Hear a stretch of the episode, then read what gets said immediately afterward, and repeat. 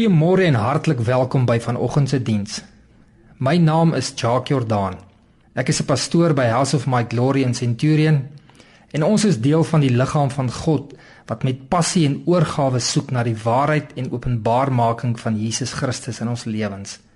Die gemeente is 12 jaar oud en pastoor Piet van der Westhuizen is die senior pastoor en geestelike vader van die huis saam met sy vrou Sonet. Kom ons sing saam U is die herder van my hart. is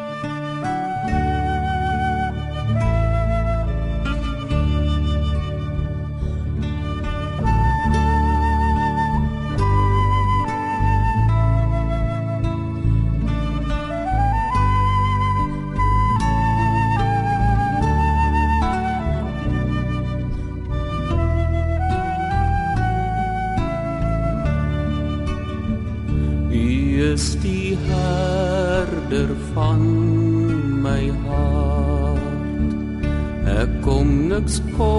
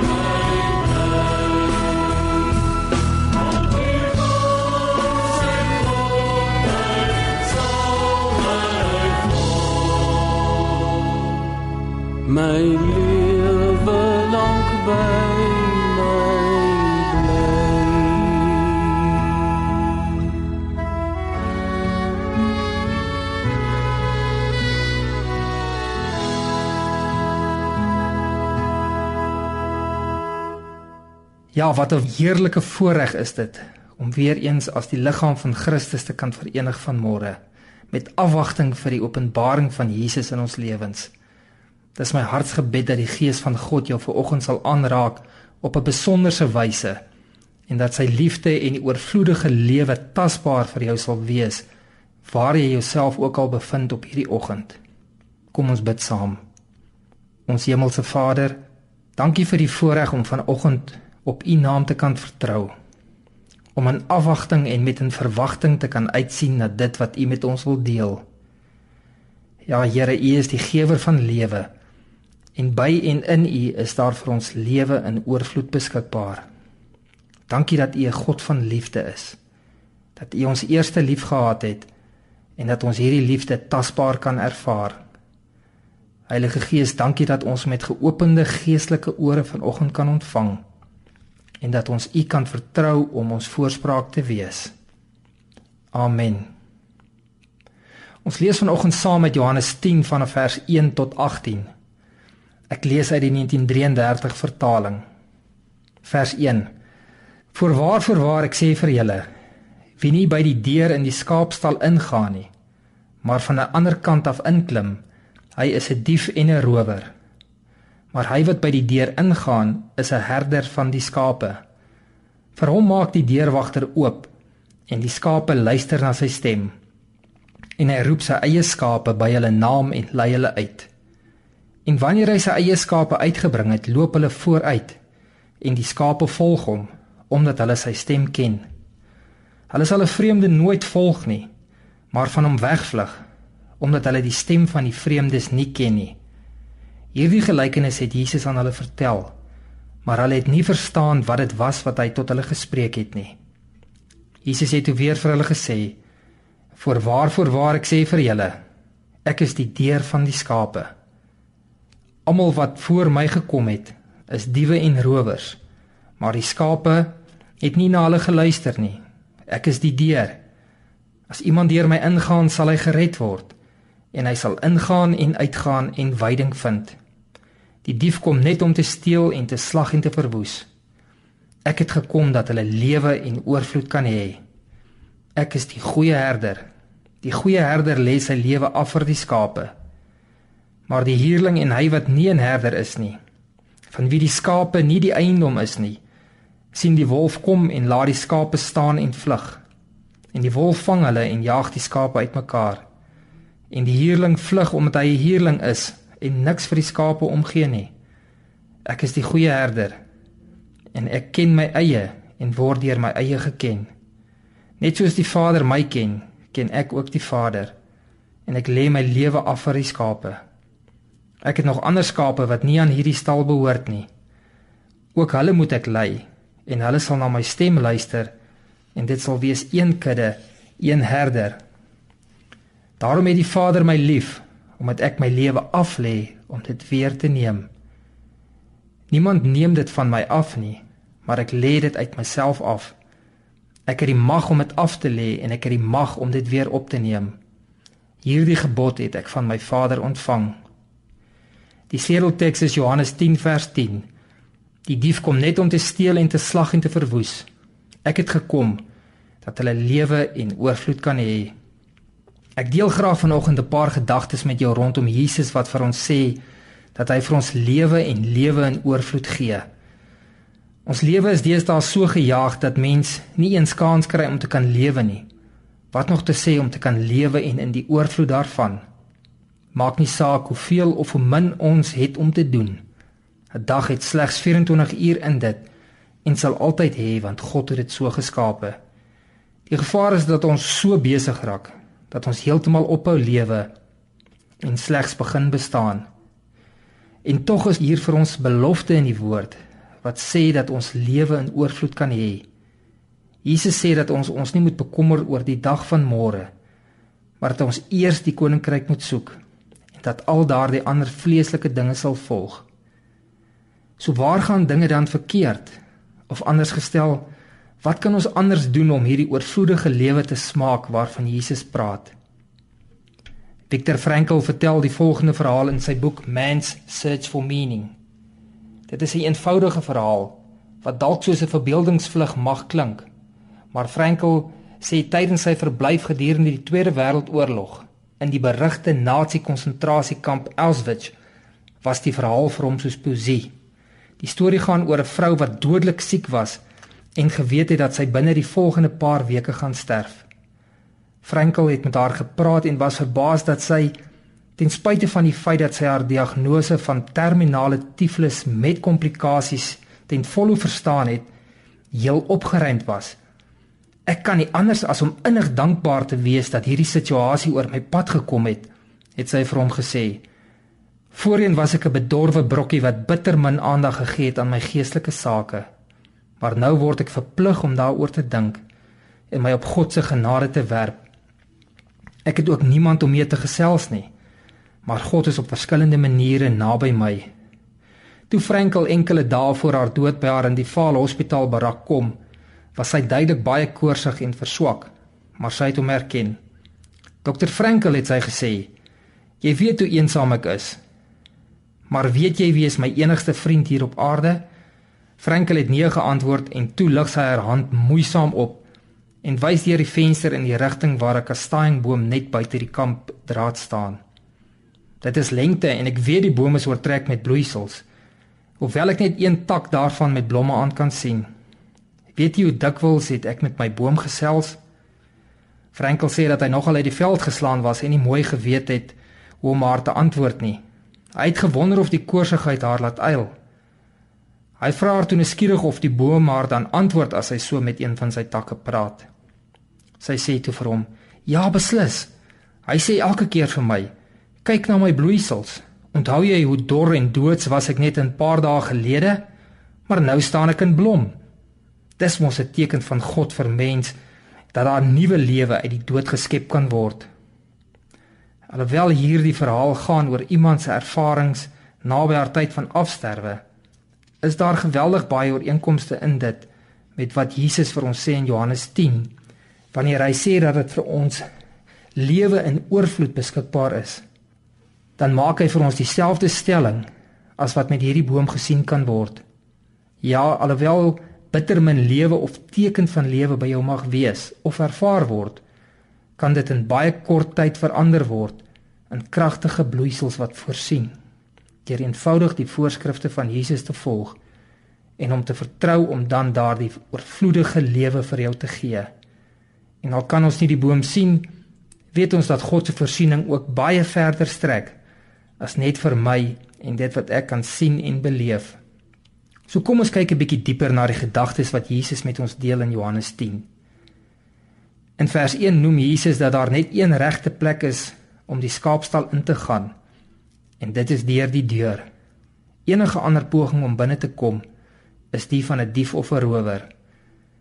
Wanneer Jesus hier praat van die deur, verstaan die Jode baie goed waarna hy verwys. Aangesien die ingang na die tabernakel ook die deur genoem was. En deur in te gaan deur daardie deur was daar vergifnis te vind aan die binnekant vir hulle. Maar daar was 'n spesifieke proses en stappe wat gevolg moes word vir die vergifnis om uiteindelik in die allerheiligste gevind te kon word en om toegelaat te word om in die teenwoordigheid van God in te mag gegaan het. Daar was geen kort paai tot dit en vandag is dit steeds dieselfde. Jesus gee vir ons baie goeie en spesifieke riglyne in die woord wat hy van ons verwag en wat hy dan in ruil vir ons sal doen. Ons kan verseker weet dat indien ons daardie riglyne volg, sy voorsiening daar sal wees. Maar in dieselfde asem ook dat indien ons dit nie volg nie, dat ons ook nie kan verwag dat God se woord tot stand moet kom nie.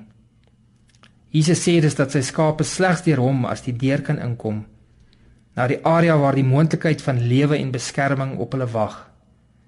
In vers 2 maak hy dit selfs duideliker deur te sê dat die hekwagter God alleen vir die skaapwagter Jesus sal oopmaak en God dan die skape wat ons is toegang sal gee saam met Jesus.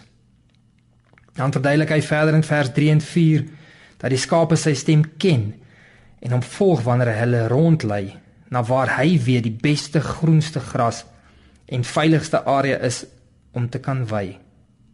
As die skape nie sy stem ken nie, kan hulle hom nie volg nie en nie die veiligheid en groen gras geniet nie.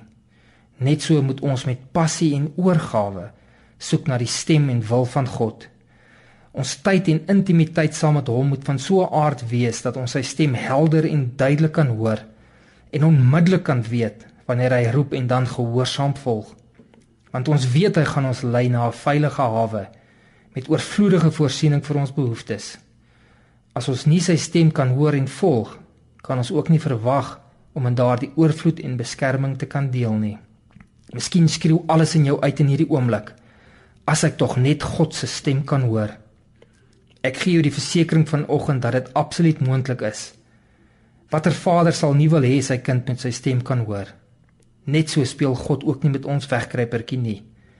Jesus sê vir sy disippels dat dit goed is dat hy weggaan, want hy gaan vir hulle die Heilige Gees stuur. En nie net dit nie, maar hy en sy Vader gaan hulle by hom by ons kom woning maak as hulle vir hom lief is en sy gebooie onderhou. Daar dieselfde belofte geld vandag nog vir ons. Die drie enige God kom maak woning in jou en is deel van jou lewe, jou gedagtes en gees. Vra God om jou te help om te hoor en om te verstaan en tasbaar te beleef. Hy sal jou nie teleurstel nie. In vers 5 sien ons dat omdat die wat hom volg voorsiening en beskerming assosieer met sy stem, hulle nie 'n ander stem sal volg nie, want daar is net vreemdheid in daardie stem en geen belofte van enige lewe. Dan begin Jesus in meer detail te verduidelik waarvan hy praat in vers 9. Dis duidelik dat in en deur Jesus daar vir jou redding sal wees en op geen ander plek. Maar nie net redding nie, ook genoeg wyding om te kan lewe terwyl jy nog op aarde is. Jy sien baie keer dink ons dat ons net gered is om eendag die ewige lewe te kan hê. Maar tog is die woord vol van skrif wat vir ons daarop wys dat God ons elkeen uniek geskaap het en dat hy ons elkeen 'n baie spesifieke doel op aarde gegee het. Paulus praat gereeld daarvan in sy briewe en moedig ons aan om daardie doel en uniekheid op te neem en daarmee te handel en wandel soos God dit beskik het vir sy welbehae. Wanneer Jesus praat in vers 9 van hy sal ingaan en uitgaan en wyding kry, verwys hy onder andere na die feit dat ons met die ingaan na hom geestelike kos kan kry en wanneer ons dan uitgaan en in die wêreld beweeg daar ook vir ons voorsiening en lewe sal wees. En dan in vers 10 maak hy dit duidelik: lewe en oorvloed. Maar moenie die voorafgaande 9 verse vergeet nie. Ons moet en kan slegs deur en in hom daardie lewe en die oorvloed daarvan kry. En dan vanaf vers 11 tot 14 praat Jesus daarvan dat hy die goeie herder is en jou nie sal laat struikel of val nie. En ja, die lewe gebeur met ons. En Jesus bevestig ook in Johannes 16 vers 33 dat die lewe met ons gaan gebeur. Maar dan gee hy vir ons twee kernwaarhede saam met die opmerkings. Een dat hy wat Jesus is, wat ook al met jou kan gebeur, reeds oorwin het. En twee ongeag wat dan met jou sal en gaan gebeur jy volkome rus en vrede en oorwinning kan hê as jy jouself na hom draai sy stem volg en jouself in sy veilige beskerming as herder van jou lewe tuis maak want hy het reeds alles oorwin. Die woord leer vir ons dat ons ons beskerming in hom moet soek en dikwels soek ons dit by hom in plaas van in hom. Wanneer daar 'n groot storm op pad is en dit begin te reën en die wind waai, vind ek nie beskerming deur by die huis te wees nie. Ek vind beskerming deur in die huis te wees. Net so moet ons onsself ook bevind in Jesus se teenwoordigheid en intimiteit om werklik sy hart en beskerming te ervaar en verstaan. Alhoewel die naam van die Here 'n sterk toring is, kry ons slegs die beskerming van die sterk toring as ons daarin hardloop. Soek die Christus in jou met passie en jy sal hom vind. As Jesus praat van homself as die goeie herder en nie slegs die herder, kan ons vrede vind in dit. Want hy beplan goeie dinge vir ons. Dinge om vir ons lewe te gee, voorspoed en nie teëspoed.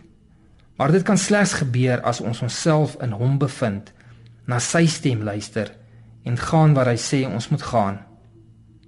As ons vanoggend baie eerlik met mekaar moet wees, sal jy met my saamstem dat dit ons grootste uitdaging is as mens om 100% te luister na die stem van ons herder en dit slaafs na te volg. Jy sien geloof se definisie sê nie verniet vir ons dat dit daardie dinge is waarop ons vertrou en nie kan sien. En wanneer ons in ons menslike natuur nie kan sien, is die natuurlike reaksie om aan dit vas te klou of dit te kies wat ons wel kan sien of dan ten minste dit wat ons kan sien en met 'n mate van sekerheid kan volg en kies presies die teenoorgestelde van wat God van ons verwag. Ek is die goeie herder. Ek lê my lewe af vir my skape sodat wanneer jy dit af lê, jy dit weer kan opneem en dan die lewe in oorvloed kan geniet terwyl jy nog hier op aarde is. Maar dan moet jy my glo, vertrou en volg my kind. In vers 16 maak Jesus dit duidelik dat daar meer skape is wat hom moet volg as net daardie met wie hy praat in daardie oomblik. Dit was waarskynlik Jode gewees aangesien hulle op daardie stadium die volk van God was en alleen reg tot hom gehad het. Maar ons weet ook dat Jesus gekom het sodat almal gered kan word. Almal die ewige lewe kan hê en almal terwyl hulle nog op aarde is in oorvloed kan lewe. Vandag is dit steeds waar dat daar altyd nog mense is wat die herder se stem moet hoor, moet lief raak vir dit en dit met volg met alles in hulle. Spreek jou lewe as volgeling van Jesus vandag van lewe en oorvloed. En wanneer ek na oorvloed verwys, praat ek nie noodwendig van die oorvloed in bates nie. Hoe oorvloedig lewe jy in jou denke? Kom daar slegs negatiewe dinge uit wanneer jy praat? Of spreek jou lippe woorde van lewe wanneer jy hulle laat beweeg? Gee jou glimlag en belangstelling hoop vir iemand wat nie meer hoop het nie. Of is jou gesig so bedruk en ernstig van al die laste wat jy dra dat daar geen teken van lewe in jou is? Die woord sê wat die hart van vol is, loop die mond van oor. En ja, ongelukkig kan mense dit nie wegsteek of fabriseer. As jy swaarmoedig is, wys jou liggaam en woorde dit. En as jy oorborrel van lewe, wys jou liggaam en woorde dit ook. Wat jy saai, sal jy maai. Waarom begin jy nie 'n punt maak om lewe te saai, om liefde te gee, om woorde van hoop en opbou te spreek, om elke negatiewe gedagte en woord in te sluk voordat dit in die atmosfeer vrygestel kan word?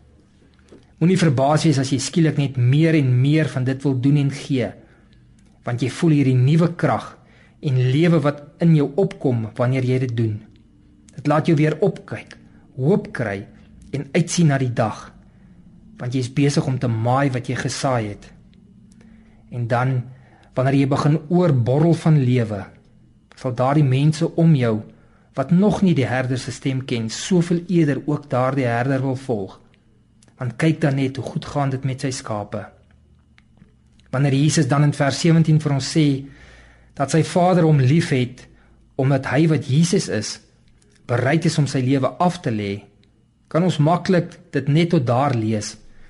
En dan dink dat ons moet sterf en sterf en sterf en nie weer mag lewe op aarde dat ons moed swaar kry dat die lewe erg moet wees anders sterf ons nie genoeg nie en is ons nie waardige Christene nie.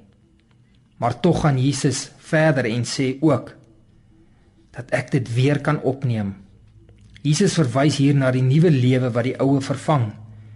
Die ou lewe was saam met die herder wat nie regtig in jou belang gestel het nie wat se doel maar net was om te steel en te verwoes en jou toegelaat het om jou eie ding te doen jou eie pad te volg en nie regtig omgegee het waarheen jy gaan of wat met jou gebeur nie. Maar die goeie herder se hart is heeltemal anderste. Die goeie herder dra jou belange op die hart hou jou veilig voorsien oorvloedig gee jou die ewige lewe met een voorwaarde volg my met alles wat jy het Luister net na my stem. Glo dat ek die beste vir jou instoor het en volg my. Dit beteken by implikasie dat ons die ou maniere, met ander woorde die ou lewe moet afsterf. En dan wanneer ons hom begin volg, begin daar ook 'n nuwe lewe. Ons sien en beleef dus dat die ou sterf en vervang word met 'n oorvloedige nuwe lewe. In vers 18 sien ons dat Jesus sê hy word nie geforseer om sy lewe af te lê nie. Hy doen dit uit eie vrye wil. Nie net het hy die mag om dit af te lê nie, maar ook die mag om dit weer op te neem. Dit is inderdaad die opdrag van die Vader. Net so vra die Vader ook nie van ons om ons lewens af te lê as ons nie wou nie. Maar hy vra vir ons om dit af te lê en dan die nuwe op te neem. Hy forceer ons nie. Dit moet uit eie vrye wil kom. God kyk na die intensies van ons hart. Hy stel nie belang in ons dinge nie. Hy stel belang in ons harte. Is ons harte gedraai na hom? Is ons gewillig om sy stem te volg? Is ons bereid om hom te vertrou al kan ons nie die uitkoms of uiteinde sien nie? Is ons bereid om die bekende te laat gaan en die onbekende op te neem? Om daardie stil, sagte, seker stem van God te volg. In dit is die nuwe lewe opgesluit in afsluiting. In die doodsvallei woestyn in Kalifornië kom daar net twee soorte voëls voor. Die kolibrie en die aasvoël. Die een is op soek na die soet bloeisels van die kaktusplante en die ander na die verrotte karkasse. En albei vind dit waarna hulle soek. So is dit ook met die mens. Net so kan ons kies om in alles dood te sien of om in alles lewe te sien. Die wonderlike nuus is dat Jesus gekom het om te sê en dit moontlik te maak dat dit nie meer nodig is om nie voluit te kan lewe om vasgevang te wees in daardie dinge wat elke greintjie energie uit jou uittap maar dat hy die weg vir ons gebaan het om lewe en die oorvloed daarvan te kan hê terwyl ons op aarde is sodat ons stralende lewegewende kinders van God kan wees wat hoop bring waar daar nie meer is nie wat herstel bring waar daar net verwoesting is wat liefde gee waar daar net haat en verwerping is. Daardie lewe is jou en my beskore. Ja dit is ons keuse om dit op te neem maar dit is ook God se hart en wens dat ons dit wel sal doen. Hoe anders dan sal elke knie buig en elke tong bely dat Jesus Christus koning is kom ons bid saam Vader ek dankie vir u woord Dankie vir die hart vir die mense. Dat U ons elkeen die kans gee om te kan lewe en nie net te bestaan nie, Vader. Heilige Gees, ek bid dat U in hierdie oomblik die verstaan sal bring wat hoop tot gevolg sal hê. Dat daar in daardie hoop 'n nuwe stukkie lewe sal ontstaan en dat daardie stukkie lewe sal groei en vermeerder tot 'n kragtige boom wat koelte bring waar voorheen net son en dorheid was en waar daar nou sagte gras van rus en voorsiening is. Dankie Here. In die kosbare naam van Jesus Christus, ons verlosser en lewegewer. Amen. En amen. Kom ons sluit af deur te sing soos 'n hert.